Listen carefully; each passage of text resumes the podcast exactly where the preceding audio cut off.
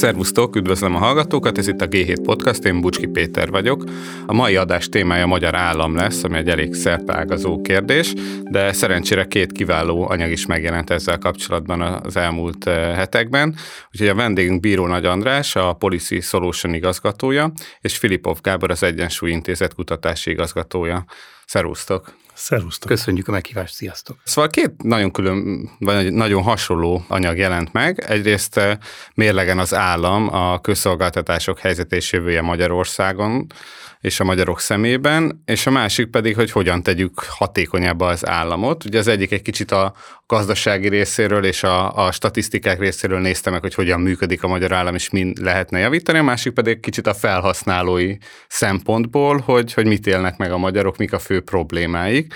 És ennek kapcsán nem azt fogalmazódott meg először kérdésként, hogy, hogy milyen ez a magyar állam, tehát hogyha nagy vagy kicsi, tehát ez így mennyire tudja az embereknek az igényeit ellátni, és hogy mit lehet ebbe látni, mert nemzetközi statisztikák alapján azt látni, hogy bár azt gondoljuk, hogy túl nagy a magyar állam, az EU átlaghoz képest már ugye a GDP arányosan kevesebbet költ, mint a többiek. Ugye mindig attól függ, hogy mit nézünk, hogy mi, miben mérjük az államnak a méretét.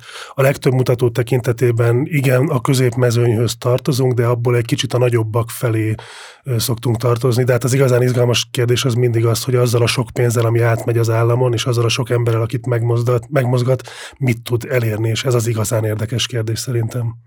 És hogy élik meg ezt az emberek? Mit gondolnak, hogy elég sok támogatást nyújt nekik az állam, vagy, vagy inkább szükségük lenne még több államra? Hát az elmúlt években elég sok olyan kutatást végeztünk a Policy Solutions-nél, amiben arra voltunk kíváncsiak, hogy hogyan élik meg ezt a viszonyt a magyarok, és az látszik, hogy bár elég nagy igény van arra, hogy az állam aktívan vállaljon szerepet sokféle dologban, közszolgáltatásokban, akár egyenlőtlenségek csökkentésében, akár a társadalmi mobilitásnak az erősítésében, de ugyanakkor az állam működésével elégedetlenek. Erre talán a legjobb példa az, hogy amikor azt kérdeztük meg, hogy a magáncégek vagy az államok, vagy az államok, szóval a magyar állam tesz többet a magyarokért, akkor egyébként a magyaroknak a többsége azt mondta, hogy a magáncégek többet tesznek az emberekért, mint maga a magyar állam, ami azt hiszem egy elég jól egy jó mutatója annak, hogy, a, hogy annak ellenére, hogy nagy vágy van a, a tekintetben, hogy a magyar állam aktív legyen és vállaljon szerepet, és sok mindent biztosítson az állampolgárok számára, maga a működésének a minősége az hagy kívánnivalót maga után. Ennek kapcsán még az is fölmerül, hogy nagyon sokszor szeretjük Magyarországon bekategorizálni magunkat, a szomszédunkat, és mindent, hogy jobb vagy baloldali. Mit lehet mondani, hogyha összehasonlítjuk mondjuk európai szempontból a magyar államot, ez inkább egy ilyen baloldalibb államnak tekinthető, klasszikusan mondjuk a skandináv országokat szoktuk mondani, akik ilyen jóléti áramot üzemeltetnek, vagy hát ott van Észtország vagy Írország, amik ilyen nagyon jobboldali és nagyon libertárius államok, ahol ugye viszonylag kicsi az állam, kevés a szociális jutatás, ezen a tengelye Magyarországot hova lehetne elhelyezni? Magyarország eléggé kilóg a sorban ilyen szempontból. Nem nagyon tudnám elhelyezni egy bal skálán abban a, abban a tekintetben, hogy az állam mit gondol a saját szerepfelállásáról. Ahogy mondtad, a skandinávokról általában úgy szoktunk beszélni, hogy nagy államot működtetnek, de közben például a gazdaságot eléggé szabadon hagyják. A nagy állam az elsősorban egy kiterjedt jóléti államot jelent, és mindenek előtt pedig az emberi erőforrásokba való befektetést.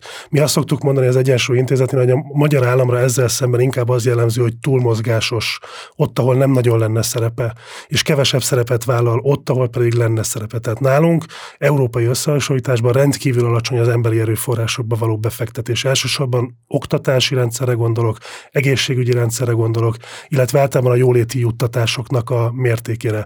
Ehelyett viszont a magyar állam európai összehasonlításban brutálisan sokat költ a gazdaságnak a mikromenedzselésére. Egyetlen egy példát hadd mondjak, megesküdtem magam előtt, hogy nem fog túl sok számmal dobálozni itt, de hogyha azt nézzük, hogy az állam mennyi pénzzel támogatja közvetlenül a költségvetésből vagy Európai Uniós forrásokból a gazdaságot, a gazdaság fejlesztésre mennyi pénzt költ, a magyar GDP-hez viszonyított arány az kétszer akkora, mint az Európai Unió Uniós átlag. Az Európai Unió ez a GDP-nek az 1,2%-a, Magyarországon ez a 2,4%-a, és itt egy növekedő tendenciáról beszéltünk ráadásul. De hosszan lehetne sorolni. A lényeg az, hogy mi azt látjuk, amikor vizsgáljuk az állam tevékenységének különböző területeit, hogy borzasztóan aktív azokon a olyan területeken, ahol inkább többet tud ártani, mint használni, és nem lenne probléma az, hogyha többet tenne más területeken, ahol nemzet stratégiai szempontból, hogy nagy szavakat használjak, sokat tudna használni. Még ehhez azt tegyem hozzá, hogyha jobb vagy baloldali ideáltípusok felől nézzük, akkor szerintem egyiknek sem az igazi célkitűzései egyiknek sem teljesülnek az igazi célkitűzései. Tehát, hogyha a hatékonyság vagy a versenyképesség felől nézzük, akkor is probléma van, ha pedig egyfajta szolidaritás, elvűség vagy esélyteremtő szempontból nézünk, akkor sem teljesülnek azok a dolgok, amiket elvárnának az emberek, akár, vagy akár azok a szakpolitika alkotók, akik az egyes ideáltípusok szerint terveznék meg a közpolitikákat. Tehát azt gondolom, hogy egyiknek sem egyesíti az előnyeit az, ahogyan jelenleg a magyar állam működik. Itt hadd tegyek egy kiegészítést, hogy egyébként az egy ideológiai kérdés alapvetően, hogy mit gondolunk, hogy nagy állam kell-e vagy kicsi. Tehát mindenkinek megvan ezzel kapcsolatban nagyon szilárd hite. A tapasztalat azt mutatja, hogy a legjobban működő, legélhetőbb országok között találunk hatalmas nagy államokat, ahol egyébként szabad a gazdaság, ilyenek a skandináv államok, és az angol száz államokra meg inkább a kisebb állam, de ugyancsak egy hatékonyan működő állam jellemző. Tehát szerintem ez egy ilyen 90-es évekből rajtunk maradt Bokros Lajosi közhely, hogy hát kisebb és önkorlátozó államra van szükség, nem ez az igazi lényeg. Az igazi lényeg az az állami kapacitás. Mit tud a rendelkezésére álló eszközökkel az állam tenni az általa kitűzött szakpolitikai célok előmozdítása érdekében, legyen szó akár esélyteremtésről, társadalmi különbségek kiegyenlítéséről, vagy adott esetben a gazdaság működésének ideális feltételének megteremtéséről. Ha jól értem, akkor a fő probléma, hogy túl sokat foglalkozik azzal az állam, hogy a gazdaságot irányítsa. Ugye itt a G7-en is többször írtunk arról, hogy egyrészt Európai Uniós szinten messze a magyar vállalatok kapják a legtöbb állami támogatást, tehát ez több mint kétszeres az uniós átlagnak, és hogy a magyar vállalatok igazából több támogatást kapnak, mint amennyi társasági adót meg iparűzési adót befizetnek, amit talán rávilágít arra, hogy valami nem jól működik nálunk. De hogyha ezt vesszük, érdekes kérdés az, hogy, hogy mennyire tetszik ez az embereknek, hogy az állam ezekkel a problémákkal vagy nem problémákkal foglalkozik, tehát vállalatok kiemelésével, segítésével, tehát ez egy fontos probléma az emberek megítélése szerint, a magyar állampolgárok szerint? Szerintem az emberek szemében, és adataink ezt mutatják, inkább az a fontos probléma, hogy milyen közszolgáltatásokkal nem foglalkoznak, vagy mi, mik azok a dolgok, amelyek le, leépülnek kifejezetten az elmúlt tíz évben. És persze az egy szerencsés dolog, hogyha a közpolitikával foglalkozó szakemberek és mondjuk az emberek úgy általában is ugyanazokat a témákat tartják kifejezetten fontosnak. Most Gábor már említette az oktatást, amely mennyire fontos lenne, hogyha az állam ezzel egy kicsit többet foglalkozna, akár úgy, hogy több pénzt szán rá, akár úgy, hogy a közpolitikai prioritásokat egy kicsit átalakítja. De ugyanez igaz az egészségügyre, de ugyanez igaz a szociális ellátórendszerre, és itt most arról a három dologról beszélek, amelyen a, amely a Mérlegen az állam című kiadványunkban az a három témakör, amely az emberek szerint a közszolgáltatások körében a legtöbbet romlott az elmúlt 12 évben. És nem csak a legtöbbet romlott, hanem ennek a háromnak is általában véve a legrosszabb a megítélése ma Magyarországon, amikor körülbelül egy olyan 15 közszolgáltatást felsorolunk, és mindegyikről megkérdeztük, hogy jó vagy rossz véleménnyel vannak-e az emberek. Tehát szerintem eléggé egybe vág az, amiről Gábor is beszélt, hogy mi lenne egy kitörési irány, mivel kellene foglalkozni, és az is, amit mi folyamatosan mérünk most már évek óta, hogy egyébként hol vannak azok a pontok, ahol egyébként az emberek érzékelik is, hogy a magyar állam nem nyújt kellően jó teljesítményt. Ennek kapcsán fölberül bennem, Gábor, az a kérdés, hogy mit lehet látni a számok mögött, mert ugye ez nagyon könnyű azt mondani, hogy GDP arányosan ebbe az országban ennyit költenek egészségügyre, most akkor abban benne van, hogy MRI készüléket vásároltak, fizetést adtak, ápolóknőknek mennyi a fizetése, vagy az orvosoknak, vagy az idős gondozásnak. Tehát azért ezek a számok nagyon generálisak, eh, és nagyon nehéz ebből megfogni, hogy tényleg mennyire jól működik a, az az adott terület, mert maradhatunk itt az egészségügy kérdésénél. Tehát ennek kapcsán mit lehet látni a magyar állam működésében, különösen annak fényében, hogy az orvosok nagyon úgy látják mostani tiltakozásuk kapcsán, hogy elég rosszul működik, ez rosszul van szervezve egyszerűen. Ez egy nagyon fontos kérdés, és megint az állami kapacitásokhoz mutat vissza. Tehát nagyon sok pénzt bele lehet önteni egy lyukas vödörbe, úgyhogy az nem fog hasznosulni, és a legtöbb kiemelkedően fontos a rendszerben egyébként ez a helyzet. Sőt, azt kell mondanom, hogy a közoktatásba fektetett GDP arányos költések, azok nem is sokkal maradnak el az európai átlag mögött. Voltak olyan évek, amikor felül is múltak. Itt a kérdés az, hogy hogyan költi el az állam a pénzt. És itt azt látjuk, hogy meglehetősen alacsony hatékonysággal. Tehát a rendszernek a jó irányítására felhasználható információkkal például nagyon rosszul gazdálkodik. Eleve egy akkora terhelés nehezedik mondjuk az egészségügyi rendszer, ami nem lenne szükségszerű. Nekünk az Egyensúly Intézetnél volt egy népegészségügyi javaslatcsomagunk is, ahol a csomagnak az elején áttekintettük azt, hogy milyenek a magyaroknak az egészségügyi mutatói, és azt látjuk, hogy az egészségügynek, mint ellátórendszernek már egy olyan hatalmas terheléssel kell szembesülni, ami ennél Európában nem.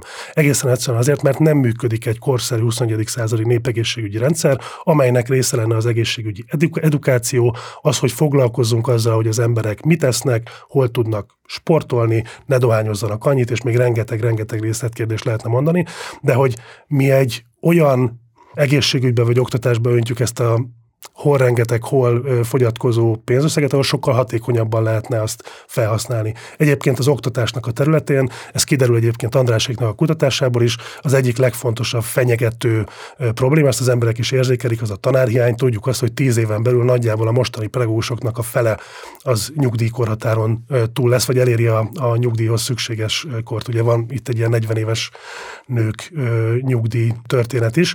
Tehát bármennyi pénzt beleönthetünk ebbe a rendszerbe, helyzetbe akkor, hogyha például nem lesz olyan tanár, aki el tudja látni a megfelelő munkákat. Ahhoz, hogy legyen tanár, ahhoz vonzónak kellene lenni a pedagógus pályának, és innentől kezdve elkezdünk lépdelni a pedagógus képzéstől, a pedagógusok bérezésén keresztül, a bérezésnek a logikájáig, nagyon-nagyon sok területen beszélhetnénk, miközben, bocsánat, az egyébként szűkös erőforrások, például az oktatáson belül jelentős részben teljesen felesleges adminisztrációra mennek el, amiket lehetne automatizálni, lehetne elektronizálni, és nem kellene az embereknek ilyen történetekkel foglalkozni, foglalkozhatnának helyette a gyerekekkel. Ennek kapcsán fölmerül, hogy a magyar állam, mikor dönt arról, hogy mire mennyi pénzt ad, milyen terület hogyan működjön, egyáltalán mennyire működik jól, ez talán elég nehéz megfogni, de hogyha más országokkal összehasonlítjuk, nekem legalábbis az a tapasztalatom, mintha itt kevés lenne az az input, ami alapján döntéseket hoznak, és inkább a tehetetlenség viszi előre. Tavaly is így volt, ugyanazt a sort visszük a költségvetésbe, de hogy igazából ennek hatékonyságot számolni, tehát megnézni opciókat, hogy mire mit kellene, célokat kitűzni, tehát mondjuk esetleg ugye egészségben, hogy egészségben töltött éveket növeljük, és ez milyen eszközök visznek hozzánk a legközelebb közel, mintha ez hiányozna? Tehát ez csak az én meglátásom, vagy esetleg ti is hasonlókat tapasztaltok? András mindjárt elmondja, hogy mit gondolnak erről a magyar emberek, de nekem ez mániám, úgyhogy muszáj erre reagálom. A, egy korszerű 21. századi szakpolitika alkotás és szakpolitikai innováció az úgy működik, hogy adatok alapján, meg tereptapasztalat alapján kigondolunk egy szakpolitikai beavatkozást, azt adott esetben szűk időben és térben szűk keretek között leteszteljük, hogy hogyan működik a gyakorlatban, és utána pedig objektív indikátorok, indikátorok indikátorok alapján visszamérjük, hogy mi történt annak hatására, amit csináltunk. Ugye ez kell egy kontrollkísérlet, mindenféle. Az Egyesült Államok az híres arról, hogy hát ugye több, többféle jogrendszerű állam van, ott nagyon jól lehet ilyen kísérleteket csinálni, de egy Magyarország méretű helyen is ezt meg lehetne csinálni. Na most ehhez képest nálunk az van, hogy a szakpolitika alkotást kormányokon átívelően, tehát ez nem erre a kormányra jellemző, hanem gyakorlatilag az összes rendszerváltás óta regnált kormányra ez jellemző, bemondunk valamit, valamit hogy mi azt, fogjuk, azt gondoljuk, hogy hozunk egy intézkedést, és ennek ez lesz a hatása, és aztán nézzük azt, hogy milyen indikátorral lehet igazolni azt, amit előzetesen mondtunk. Tehát, hogy nem csak arról van szó, hogy az input kevés, de az utánkövetés az gyakorlatilag nem létezik. Hogyha most elkezdenénk arról beszélni, hogy mit lehet tenni a hazai termékenységi ráta növelésével, ez ugye egy kiemelt szakpolitikai cél, szerintem mindenki egyetért azzal, hogy ez nagyon fontos lenne, semmit nem tudunk arról, hogy a termékenységi ráta alakulásában mondjuk a családtámogatási rendszernek bármilyen pozitív, negatív hatása lett volna. Azért, mert megnézzük azt, hogy emelkedtek éppen vagy csökkentek, akkor valaki elkezd uh, diadalmenetet tartani, a másik meg elmondja, hogy uh, kudarcot vallott az egész politika, de valójában nem tudjuk, erre nincsenek információink, hogy, hogy milyen hatás van. És a legtöbb szakpolitikai területen ezt látjuk, hogy lehet tippelgetni, meg az ember a saját pártállása szerint uh, kiosztja a jó pontokat és a rossz pontokat, de valójában Magyarországon nagyon kevés olyan döntés van, amelynek effektíve lehet tudni, hogy mi volt a hatása, és ebből levonhatnánk tanulságokat arra vonatkozóan, hogy legközelebb mit kellene csinálni, vagy mit kellene korrigálni. Ezzel teljesen egyetértek. A, amit érdemes hozzátenni talán, hogy bár nagyon-nagyon sok pénzt elkölt a kormány arra, hogy egyébként az emberek véleményét monitorozza a különböző kérdésekkel kapcsolatban, de mintha arra süket lenne, hogy azokat a problémákat, vagy azokat a gondokat, amelyek az egyes szakpolitikai területeken felmerülnek, és amelyeket az emberek is érzékelnek, azokra egyértelmű reakciót adjon a, a saját döntéseiben. Tehát inkább a PR kormányzás jegyében mindig az a fontos, hogy az egyes narratíváik mennyire működnek, hogy kommunikációsan mit hogyan lehet eladni, hogy hogyan lehet alternatív valóságot teremteni, és olyan meggyőző kommunikációs üzeneteket, amelyek esetleg el tudják terelni a figyelmet például az igazi problémákról. Mintha ezeknél a, egyébként a humántőkét érintő kérdéseknél mintha beáraszta volna a kormány azt, hogy ezen túl nehéz lenne változtatni érdemben, túl sok pénzbe kerülne változtatni érdemben, és közel sem biztos és veszélyes is az állampolgárok szempontjából, hogy hogyan reagálnának, hogyha komolyabb átalakítások történnek, akár az oktatásban, akár az egészségügyben, akár a szociális ellátórendszerben. És inkább egyfajta megúszás van, talán ezért mondod azt, hogy visszük tovább a korábbi évnek a költségvetési sorát, mert hogy inkább ne nyújjunk hozzá, érdemben valahogy majd elintézzük, ha valami nagyobb fennakadás zajlik, esetleg Pintér Sándort ráállítjuk, és majd rendpárti módon megoldja a történetet, tehát hogy valamilyen módon ez kezelve legyen, de érdemi dologban nem vágnak bele. Viszont az, azért fontos szerintem, hogy ilyen anyagok készüljenek. Egyrészt olyan, ami a, a Gáborék is készítettek, meg olyanok mint amiket mi szoktunk készíteni, mert ebből például pont az derül ki nagyon jól, hogy akár az oktatás, akár az egészségügy terén mik azok a konkrét eh, dolgok, amelyek viszont az embereknek a horizontjára is fölkerülnek. Tehát nem csak egyszerűen szakpolitikai vitákban, vagy akár oktatási, vagy egészségügyi szakértőknek a szakértői anyagaiban merül föl egy-egy dolog, hanem ami tényleg fönt van az embereknek a horizontján olyan módon is, hogyha spontán módon megkérdezzük őket. Tehát mi csak nem is listát adunk nekik, hogy itt van nem tudom én 12 probléma választ, neked melyik a top 3, ami téged a legjobban zavar, mondjuk az oktatásban, nem spontán módon nyitott kérdésbe bemondhatják a, a, a válaszokat, akkor mi az, amit tényleg, tényleg komoly gondnak érzékelnek. És szerintem ez a fajta nem csak utánkövetés, hanem megalapozás hiányzik a kormánynál, vagy ha történik is ilyen, akkor ez abszolút nincsen később figyelembe véve, mert minden a politikai kommunikációról szól, és nem pedig az állampolgárok szondázásáról, amikor a szakpolitika megalkotása zajlik. Az állampolgárok véleményében talán a legérdekesebb, ugye, hogy bár ott van a, a radarjukon, hogy mik ezek a fő problémák, de az első helyen mindig a megélhetési költségek vannak, és hogy ezek mennyire tudnak mindent eh, felülírni, ha mondjuk azt látják, hogy növekszik a fizetésük, akkor hajlamosabbak elfeledkezni azzal, hogy mi van az iskolában és a kórházban, a szociális ellátásban. Tehát ez egy eh, nagyon érdekes kérdés, mintha úgy látszik, hogy az elsőre koncentrálna a kormányzat, és a többit ezt akkor kiszorítja. Hát ebben az az érdekes, hogy amikor igazán konjunktúra volt Magyarországon, és akkor ezt mondjuk a pre-covid időszak végéig mondanám, tehát 19 végéig, addig a megélhetési költségek, ami most ugye már első egy jó ideje a Magyarország probléma térképén, ez 2019-ben a hatodik helyen volt. Tehát akkor nem csak az történt, hogy más problémák lejjebb voltak esetleg, hanem az, hogy maga a megélhetési költségek kérdése, nem, nyilván nem is volt ekkora infláció, nyilván a COVID alatti gazdasági válság eredményét még nem érezték az emberek, az energiaválság sem köszöntött be, ez a sok válság így együtt azért magyarázza, hogy 2021 nagyjából első felétől kezdve miért a megélhetési költségek vannak az élen.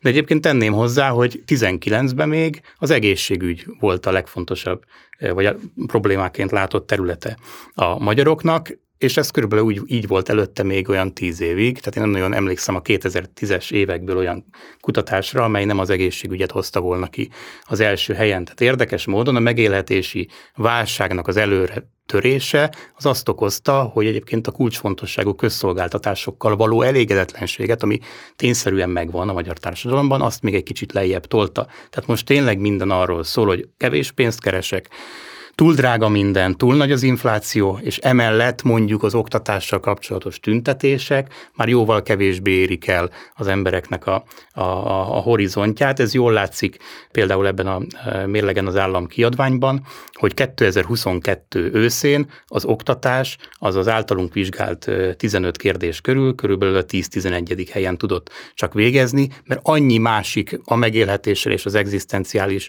kérdésekkel kapcsolatos téma volt, ami ezt meg megelőzte, hogy, hogy hát ebből látszik, hogy bizony korlátozott az elérése ezeknek a témáknak a magyar közéletben. Tegyük föl, hogy a kormányzat úgy dönt, hogy ezért régóta ez az egészségügy és az oktatáson jelentős probléma, előbb-utóbb a gazdasági válság is elmúlik, és újra felivelő szakasz lesz, és ezek ismét előre kerülnek. Hogyan lehet ennek nekiállni? Neki akarnának állni, ezeket rendbe tenni. Ugye itt egyrészt, hát, hogy több pénzt oda tenni, azt meg lehet oldani, kevesebb autópályát építünk, kevesebb stadiont építünk, és rögtön lesz rá pénzünk, tehát nem egy megoldhatatlan feladat. De egyáltalán működne még ebben a struktúrában jobban ez a rendszer? Tehát, hogyha lenne több pénz, lenne jobb kimenet ebből, vagy nem lehet itt ilyen gyors megoldásokat kitalálni? Hát, hogyha, tehát ketté kell választani, két külön, nagyon különböző rendszerről beszélünk, de hogyha mondjuk csak az oktatásról beszélünk, ami szerintünk az Egyensúly Intézetnél a legfontosabb kitörési pontunk lenne, és akkor itt gondoljunk az észt példától kezdve a finneken keresztül Szingapúrig bármire. Kis erőforrás szegény ország számára az egyetlen kitörési lehetőség az az emberekbe való befektetés. Ebben én nagyon hiszek, és az empiria szerintem ezt alátámasztja. Az oktatásra beszélünk, akkor ott alapvető változásokra lenne szükség. Nyilvánvaló, hogy a nulladik lépés az a tűzoltás lenne. Legyenek tanárok a rendszerben. A következő 20 évben vagy 30 évben szerintem később sem nem fogunk eljutni oda, hogy mesterséges intelligencia fogja tanítani a gyerekeket, sőt, egy korszerű oktatási rendszer az egyre inkább arról szól, hogy a tanárnak a szerepe az egy ilyen facilitátori szerep, végig segíti a diákot a tanulási folyamat során. Nem az a dolga, hogy elmondja a diáknak azt, amit a Wikipédián vagy a YouTube-on amúgy is megtalál és meg tud tanulni Stevie Hawkingtól. Nem jó példa, mert ő keveset beszél viszonylag. De, de a tanárnak a dolga az az, hogy odafigyeljen az ő szellemi fejlődésére és segítse őt a, a tanulási útjában. Ezt nem fogja tudni egy hamar kiváltani a mesterséges intelligencia vagy a robot. Tehát az, a nulladik lépés az, hogy el kell érni, hogy legyenek tanárok, méghozzá lehetőleg jól és korszerűen képzett tanárok, akiknek egyébként megvan az a szakmai autonómiájuk hogy minden egyes gyerekre egyére szabott tanulási utat tudjanak létrehozni, és azon végig tudják kísérni a gyerekeket. Ez nyilvánvaló, hogy egy nagyon radikális pedagógus béremelés nélkül ezt nem lehet elérni, de a megemelt bér mellett az is egészen biztos, hogy egy sokkal korszerűbb pedagógus képzést kell létrehozni. A mostanival kapcsolatban én nem beszéltem olyan oktatási szakértővel, eh, aki elégedett lenne. A legbarátságosabb minősítések is arról beszélnek, hogy ez egy 20. század közepi pedagógus képzési rendszer, és akkor innentől kezdve én nagyon szívesen beszélnék három órát arról, hogy hogyan lehet az iskoláknak a teljesítmény mérését és a teljesítmény javulását egyébként korszerű digitalizációs eszközökkel végrehajtani, hogy hogyan nem kellene a krétabeszerzéseket mikromenedzselni központból, ellenben hogyan kellene központból segíteni például az esélyteremtő felzárkóztató funkcióban, de az oktatási rendszerben, hogyha egy mondatban kellene összefoglalni, akkor legyenek pedagógusok, legyen esélyteremtő iskola, és az iskola elsősorban arra készítse fel a gyerekeket, hogy tudjanak, merjenek és akarjanak gondolkodni, kezdeményezni, autonómnak lenni, és rugalmasan alkalmazkodni a változó követelményekhez munkaerőpiacon, társadalomban egyaránt. Ennek kapcsán még egy merül föl, hogy az emberek mennyire akarnak tanulni. Ugye megnézzük a, az oktatási statisztikákat, az látszik, hogy a középfokú oktatásból egyre kevesebben vannak arányaiba is a fiatalok. A magyar felsőfokú oktatás az egyik legutolsó Európában, tehát talán csak Olaszországban és Romániában járnak a fiatalok közül kevesebben felsőfokú oktatásban. Ez az európai középmezőnyből tíz év alatt sikerült ide leküzdeni magunkat, és hát kiszorítani könnyebb diákokat, generációkat az oktatásból, de bevon bevonni mennyire lehet? Tehát, hogy ez mennyire alakította át esetleg a, az emberek tudatát és elvárásait is, hogy, hogy nem kell diploma, nem kell annyit tanulni, tehát ez, ezt lehet -e látni, hogy az embereknek ezzel kapcsolatos percepciói hogyan alakultak? Hát én vagyok abban biztos, hogy ez az egyetlen trend, amit most mondasz, mert a másik meg, amit látok, hogy például eltörlik azt, hogy kelljen nyelvvizsga az egyetemen ahhoz, hogy egyáltalán a diplomához hozzájussál. Tehát inkább, inkább valahogy azt érzem, hogy a, az az elvárásrendszer, amit a diákok elé állítunk, az is egyre gyengébb folyamatosan, és ennek ez a emblematikus példája, amit most, amit most az egyetemek kapcsán látok. Szerintem, ami nagyon fontos még, és erről talán nem beszéltünk itt az állammal kapcsolatos bizalom kérdéskörében, hogy, hogy azt érzékelik-e az emberek, hogy az állam, amikor mondjuk erős államot játszik, akkor valójában a közösség érdekében tevékenykedik-e, vagy pedig a politikai és sütögeti azáltal, hogy újabb meg újabb területekre lép be. És ha most az oktatást említetted, akkor nyilván a felsőoktatási reform, vagy hívják ezt modellváltásnak is egy abszolút egy ilyen e, dolog, hiszen fölmerülhet, hogy akkor, amikor az állam úgy dönt, hogy ilyen erősen belenyúl valamilyen szakterületbe, akkor valójában kinek az érdeket nézi. Ettől jobb lesz-e a felsőoktatás, vagy inkább csak arról szól, hogy egy politikai kontroll tudjon megvalósulni hosszú távon is. De ugyanígy fölmerül az, hogyha erős államról vagy gyenge államról beszélünk, és mondjuk megvásároljuk a Vodafont, akkor a Vodafonnál van-e ennek a, a, a legjobb helye ennek a pénznek, vagy lehet, hogy jobb helyen lenne ott, hogyha a közoktatásba öntöttünk volna bele néhány milliárd forintot, és mellé még átalakítanánk sok mindent, tehát nem csak több pénzt tennénk bele, hanem, hanem például követnénk azokat a reformjavaslatokat, amiket sok-sok oktatási szakértő már e, megfogalmazott a korábbiakban. Vagy hogyha még egy ilyen, ami az erős állam, gyenge állam dolognál e, eszembe jut, hogy, hogy jó-e az, vagy az emberek úgy érzik-e, hogy ezzel jó jártak, hogyha az önkormányzatok rovására próbál az állam erősködni, és mondjuk úgy próbálja meg a válságos időszakokat, például a Covid járvány idejét a magyar állam megoldani, hogy közben ezt az önkormányzatok kivéreztetésére használja. Akkor ezzel most igazából jól jártunk-e, hogy erősebb lett a magyar állam, és mondjuk gyengébbek az önkormányzatok. Tehát szerintem ez egy ilyen sok összetevős történet, amiben akkor lehet szerintem a bizalmat az állam iránt visszaépíteni, hogyha egyébként meggyőződnek arról, hogy a közösség érdekét szolgálnak azok az állami kapacitás erősítő intézkedések, amelyeket egyébként megcsinálnak. A kérdésre visszatérve az igény az élethosszig való tanulásra, vagy a felső oktatásba való bejutás, ez egy nagyon érdekes kérdés. Ezt nagyon sok, hogy mondjam, negatív tendencia nyilván meghatározza. Mennyi az államiak finanszírozott hely a felső oktatásban, ismerik ezzel kapcsolatban a számokat, hogyan tudják biztosítani mondjuk vidéki hallgatók a lakhatásukat, és itt tovább Tehát nagyon sokat lehetne erről beszélni. De ami szerintem nagyon érdekes, ez egy puhább feltétel, de nagyon fontos feltétel, és a nemzetközi sikertörténetek azt mutatják, hogy ezek nagyon fontosak. Tudjuk-e azt, hogy mit ér a felsőoktatás és a diploma?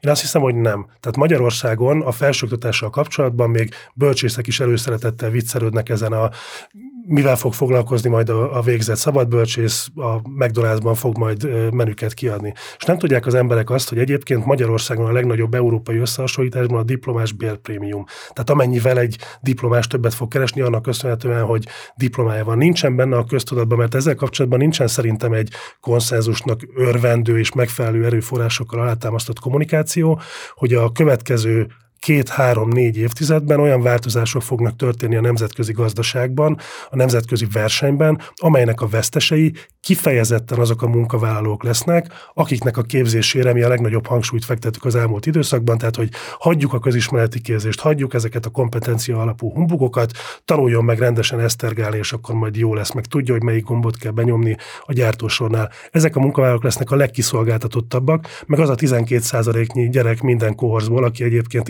érettségi nélkül hagyja ott az oktatást. Ezzel szemben egy Magyarországhoz hasonló államnak tényleg az egyetlen esélye arra, hogy talpon tudjon maradni, ne adj Isten még előrébb is tudjon ö, ö, jutni, hogy nagyon sok pénzt fektet a közoktatásba és az alapfokú átváltható készségeknek a fejlesztésébe, az idegen nyelvtudásba, és hát mindenek előtt azért ne felejtsük el, hogy az informatikai készségekbe, mert hogyha az ezt mérő indexeket nézzük, ugye Európában a DESI index az, amelyik ezzel foglalkozik kifejezetten, hát brutálisan rosszul állunk, ami meglátszik a, a hazai tulajdonú vállalatainknak a versenyképességében, meglátszik az elközigazgatásnak a minőségében, és még nagyon-nagyon sok olyan tényezőben, amik ahogy haladunk előre az időben, egyre inkább létkérdésé fognak válni a mi szempontunkból. Tehát szerintem, bocsánat, le fogom vinni a hangsúlyt, lőjetek le.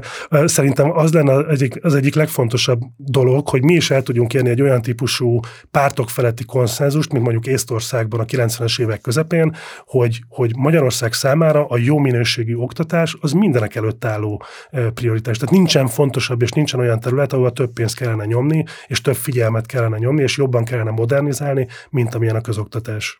Talán még a nyelvtudásnak az egyik európai sereghajtó mi volt a maradt ki ebben a felsorolásból, ami tényleg a, britek, a britek rosszabbak voltak nálunk, de hát az, ott ugye megszűnt ez a probléma. Meg hát legalább az EU statisztikákból is kiestek. Ez, erre, erre, erre utaltam, igen. igen. Ennek kapcsán, amit itt beszélünk, itt mindig úgy beszélünk, hogy az embereknek az életéről, meg hogy az állam hogyan tudja segíteni, de nekem van egy olyan érzésem, hogy a magyar államnak is elég komoly humán erőforrás problémája van, mind minőségben, mind mennyiségben.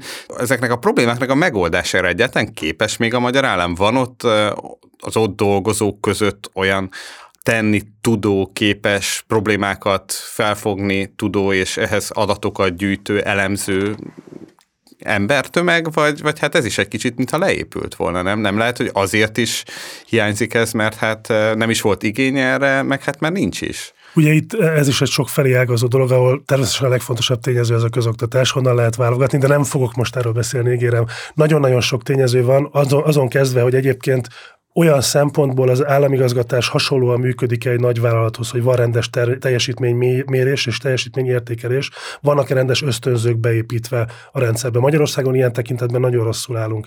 Ezzel lenne mit fejleszteni, de a legegyszerűbb és legkézzelfoghatóbb dolog az az, hogy az igazán tehetséges és képzett embernek megírja az államnak dolgozni. Mekkora adott esetben az adott végzettséggel elérhető legmagasabb bér vagy átlagos bér, amit el lehet érni, és azt látjuk, hogy Magyarországon most már nagyjából 20 éve viszonylag tartósan nyílik az olló a közféra és a versenyszféra között, de amikor ez összeszűkült, és elkezdtek igazán jól képzett emberek jelentkezni a közigazgatásba, ez ugye kétszer kettőben volt, amikor hirtelen megdobtuk a közalkalmazotti béreket, akkor is az állam ezt a lehetőséget úgy használta fel, hogy megnövelte a béreket, ott voltak az ajtó előtt a jól képzett tömegek, erre vannak empirikus kutatások, a jól képzett tömegek, akik fellendíthették volna a közigazgatás minőségét, de az állam elmulasztotta azt, hogy megszűrje a munkavállalóit, és adott esetben rotáljon és lecserélje a, hát hogy mondjam, kevéssé képzett vagy kevésbé alkalmas munkavállalókat jó munkavállalókra. Tehát megvolt a béremelés, ráköltöttük a pénzt, ennek láthatóan meg lett volna az eredménye, de ezt nem használtuk ki, és nem, nem rotáltuk le az emberanyagot. Tehát nagyon-nagyon sok fele ágazik a, a történet, de az biztos, hogy miközben a leguncsibb része a dolognak az a, az a bérólónak az árása, enélkül ez nem, nem nagyon tud működni. Mert hogy most egyszerre van az, hogy egyrészt európai összehasonlításban is nagyon kevés az a kereset, amit meg lehet bérként szerezni a, a közigazgatásban, és a másik probléma pedig az, hogy a verseny szférához való különbség milyen nagy.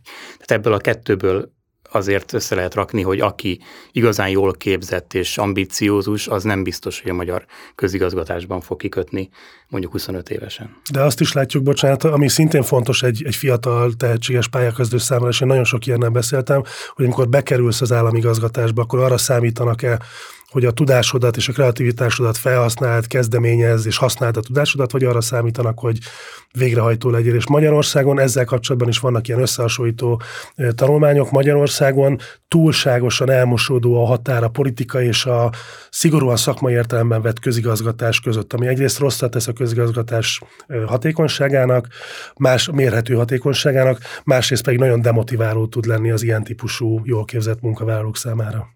És ennek kapcsolatban az is érdekes, hogy mit látnak az emberek, mint felhasználók az magyar államból. Nekem mint a minden évben úgy tűnik, hogyha fölmegyünk egy minisztérium hivatal honlapjára, hát jó, hogy fönn van az elérhetőség esetleg, de gyakorlatilag semmi nincs arról, hogy ők mit csinálnak, miért csinálnak, milyen stratégia alapján tényleg föl lehet menni Albántól grúz minisztérium, egy viccből megnézni, hogy mennyivel több információt lehet tenni. Magyarországon gyakorlatilag az állam azt mondja, én vagyok az állam, és mintha nem akarná, hogy az emberek értsék, hogy mit csinálnak.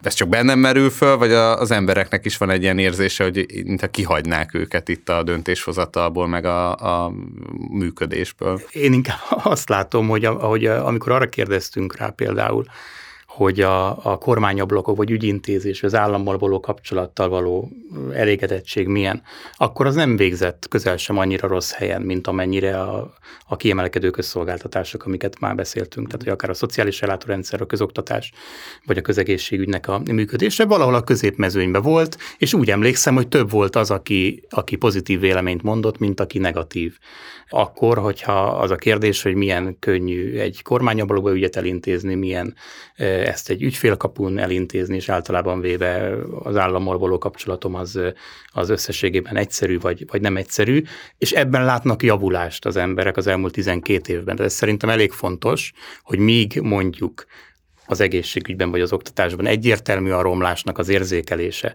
addig inkább a pozitívban van az, hogy 12 év alatt ez fejlődötte, lenne még hová tovább lépni digitalizáció és egyéb vonalon, hogy megköz, megkönnyítsük az emberek számára valójában az ügyintézést még jobban eddig, az eddigieknél is, de ami 2010 óta történt, az inkább e tekintetben a pozitív tartományban van. Ha már az állam által nyújtott egyéb szolgáltatásoknál így fölmerül, hogy mit gondolnak a magyarok, akkor szerintem még a közmédiát érdemes ide bedobni. Amely, amely szintén azon kevés terület közé tartozik egyébként, amelynél egyértelműen többen vannak azok, akik inkább negatív véleménnyel vannak, mint akik pozitívval, és ez még úgy is így van, hogy egyébként a fideszesek egy jó része ugye a közmédiával nem lát igazából komolyabb e, problémát.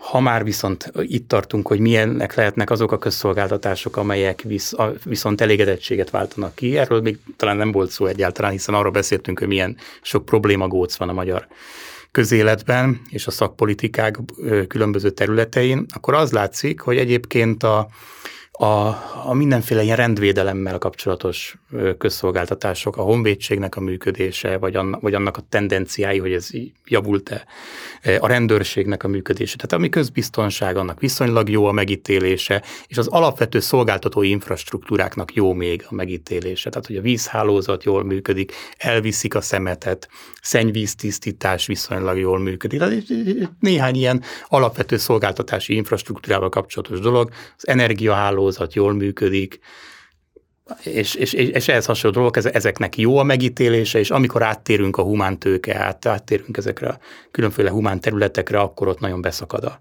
az érzékelés. Mondjuk, amiket mondtál, hogy elégedettek az emberek, az alapvetően önkormányzat és magántulajdonban van, tehát leg, leg, legnagyobb részben, tehát itt eh, lehet, hogy ez a nyitja ennek, hogy ezért elég. Ezt valószínűleg azért nem tudják az emberek, hogy ez milyen, melyik milyen tulajdonban van, és amúgy is, hogy állami vagy nem állami tulajdonban van, itt elég vegyes dolgokat mértünk, hiszen a víziközmű hálózatoknak az államosítás ugye fölmerült egy néhány hónappal ezelőtt, kb. ugyanakkor, amikor a Vodafone vásárlás is elkezdett a magyar közéletbe bekerülni, mint téma, és akkor azt láttuk, hogy az, hogy az állam átveszi az önkormányzatoktól a, a víziközműveket, ez így igazából magyar társadalom relatív többségének oké okay volt, tehát többen voltak, mint akik azt mondták, hogy maradjon önkormányzatiba. Szerintem nincs, nincs igazán kialakult vélemény ezzel kapcsolatban, hogy ki lenne itt jó gazda, vagy jó lenne, hogy az önkormányzatok szintjén maradna a dolog.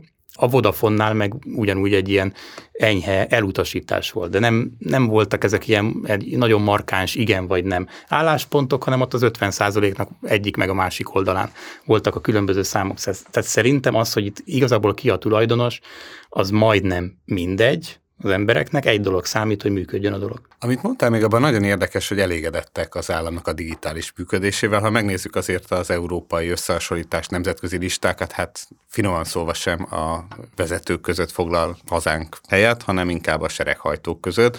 Mi lehet ennek az oka, hogy van egy rossz szolgáltatás alapvetően, és mégis elégedettek vele az emberek? Azt tegyük hozzá, hogy ha már a, mondjuk a Desiben nézzük a dolgot, hogy a legnagyobb európai mérőszámára történt, ott az, a, a, az e-kormányzásban még viszonylag nem állunk olyan rosszul. Tehát a mutatók is elismerik azt, hogy itt történt előrelépés. Itt arról van szó szerintem, hogy ha kiragadunk eseti példákat, mondjuk az ügyfélkaput, arra lehet mondani, hogy egy sikertörténet. Minden kritika mellett az egy sikertörténet, megkönnyítette az életet, mindenki használja, és mindenki biztonságosnak tartja, stb. Itt a probléma az, hogy nálunk a, például a digitalizáció és általában a reformok, azok ilyen eseti szigetek, szigetecskék. És nagyon sok olyan informatikai fejlesztés van, ami egymással párhuzamosan zajlott, teljesen divergálnak felhasználó szempontjából. Tehát nem az van, hogy ismered a rendszert, és automatikusan tudod használni ugyanazt az egészségügyben, mint az állami ügyintézésben, hanem párhuzamosok tartanak a végtelenbe. És mondjuk az ügyfélkapu az a mai napig egyébként fejlődik, és szerintem nagyon jól bővíti a funkcióit, de mondjuk az EST, a, a, a megfelelő egészségügyi alkalmazás, ami mindannyiunk telefonján ott lehet, az gyakorlatilag egy ilyen oltási regisztrációs oldallá silányult, miközben, hogyha valahol nagyon fontos lenne az adatok folyamatos, valós idejű áramlásának, személyre szabható szolgáltatások kidolgozásának, hát az pont az egészségügy. Tehát a jövőnek az egészségügye az, az minden másnál nagyobb mértékben adatalapú lesz. Hozzáteszem, ez az adatalapúság az a hagyományos egészségügyre nehezedő terheket, azokat jelentősen tudja csökkenteni. Tehát nálunk az a probléma, hogy valamit jól megcsinálunk, azt vagy valaki viszi tovább, és akkor jó lesz, vagy nem, és akkor megre, megreked 2012 szintjén. Ezzel szemben a vezető elközigazgatás példakép, Észtország, az folyamatosan már-már idegesítő módon hat évente meghirdet egy újabb digitalizációs forradalmat, és most már ott tartanak, hogy létrehozzák azt a fajta digitális állampolgárságot, ahol gyakorlatilag mindent a te digitális alteregót fog intézni, az, a, az ilyen közigazgatási ügyeknek több mint a kétharmadát már egy virtuális valóságban fogják intézni, és te észre sem veszed, hogy meghosszabbították a jogosítványodat, meghosszabbították az útleveledet, és itt tovább, és itt tovább, és ez, ezek a fejlesztések, ezek a változások, ezek különböző területeken hatnak egymásra, és lökik egymást előre. Tehát amit el akartam mondani, csak nagyon hosszan mondtam, hogy a digitalizáció és általában ez a fajta korszerűsítésű munka, ez akkor jó, hogyha soha nem áll meg, és nem dőlünk hátra, hanem folyamatosan keressük a továbbfejlesztésnek az útjait. Nekem, Ez ránk nem jellemző. Nekem az az érzésem, hogy magyarán nagyon jó olyan ügyeknek a digitalizálásába, amire nem lenne szükség, hogy ügy legyen. Tehát, hogy így ez kiváló példa Észtországgal összevetve, ugye, hogy miért kell adóbevallást csinálni, hogy mert nincs rá szükség, mert ez keresztül megy a rendszeren, senki észre sem veszi, hogy ez létezik, míg nálunk ilyen nyomtatványokat kell digitálisan kitölteni, mert 200 éve is volt egy nyomtatvány rá, tehát, hogy így hát ez mondok jobbat, hogyha, hogyha iskolai intézményvezetőkkel beszélsz, akkor elmondják azt, hogy hogyan töltenek el teljes munkanapokat azzal, hogy papír alapú táblázatból Excelbe másolnak gyerekekre vonatkozó demográfiai adatokat, majd az Excelből egy másik papírra kézzel ugyanazt fel kell írni. Ezekre az égvilágon semmi szükség, és mondom ezzel intézményvezetőknek a munkanapjait telnek el, ahelyett, hogy az intézményt vezetnék. Egy kicsit akkor ehhez kapcsolódik, de eh, más országoknál, akár mondjuk Észtországot itt hozhatják példaként, ugye az a cél, hogy az állampolgár jól érezze magát, ha tetszik egy ilyen UX dizájnnal működnek a magyar modern államok. Mennyire jellemző ez Magyarországon, és mennyire akarja a magyar állam az emberek jólétét növelni, hiszen ha megnézzük számos jóléti intézkedés nyugat-európai országokban az államtól érkezik, ugye ez a 40 órás helyett 35 órás munkahét, és mintha ebbe az elmúlt időszakban ugye visszafelé mennénk, ugye láthatjuk, hogy minisztériumban, állami vállalatokban a korábbi péntek délutáni munkavégzésnek a vége mondjuk 2-3 órakor volt, ezt kivezette a kormány, ugye azt látjuk, hogy a home office befejezetésekre a, a koronavírusnál minden vállalat önként és nagy energiákkal belement, míg a magyar állam teljesen értelmetlenül berendelt olyan embereket, akik teljesen számítógép előtt végezhető munkákat végezhettek, és mai napig is ő magyar állam ebbe sereghajtó. Tehát mintha itt így kicsit így visszafelé menne sok mindenbe ezen a téren az állam. Szerintem ezen a téren alapvetően itt tűzoltás szokott zajlani, tehát az egészségügynek a mostani átalakítását is emlegethetnéd. Én ebben annyiban megengedő vagyok, hogy amikor görgetjük magunk előtt a problémákat, nem digitalizálunk, nem újítjuk meg a munkaerőpiaci, a, a rugalmas foglalkoztatási formákat, és így tovább, és így tovább, egyszer csak ránk szakad a házi hiány, a pedagógus hiány, az ilyen hiány, az olyan hiány, és olyankor most ne legyünk naívak, semmilyen kormány nem tud hirtelen egyik napról a másikra egy 10 éves szakpolitika alkotási, vagy 15 vagy 20 éves szakpolitika alkotási hiátus betölteni, és ilyenkor valóban ezt látjuk, hogy összevonások vannak, racionalizálások vannak, megpróbáljuk az utolsó csepp munkát is kisajtolni a munkáról. Ez szerintem, tehát hogy nekem meggyőződésem, hogy arra szokott rámutatni, hogy a magyar államnak, független attól, hogy ki van éppen kormányon, hogyha úgy tetszik, akkor anticiklikus ö, szakpolitika alkotást kellene folytatnia. Tehát nem válság idején megpróbálni eloltogatni a, az egyszerre húsz helyen fellángoló tüzeket, hanem amikor konjunktúra van, van rá, anyagi lehetőség van rá, kellő nyugalom, hogy úgy mondjam, szakpolitika alkotásnak kedvező társadalmi nyugalom, akkor kellene olyan hosszú távú reformokat bevezetni, és itt nagyon-nagyon sok területet fel lehetne sorolni, hogy hol mindenhol kellett volna a legutóbbi konjunktúra idején is, is, vagy az azt megelőző konjunktúra idején is, amelyeknek az eredményeképpen a következő érkező válságot, legyen szó energiaválságról, nemzetközi bizonytalanságokról, vagy bármikről, Magyarország válságállóban tudja fogadni.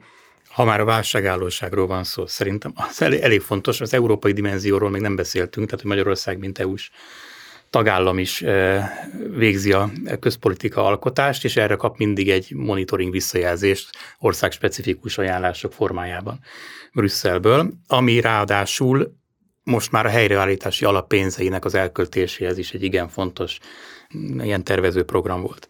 És azt látjuk, igazából szerintem most már egy jó pár éve, és erről talán kevés szó esett, hogy a magyar társadalom válságállósága szempontjából az igazi reformokat folyamatosan az Európai Bizottságtól kapjuk javaslatként, és gyakorlatilag most már előírásként, hogyha az uniós pénzek egy részéhez hozzá akarunk férni.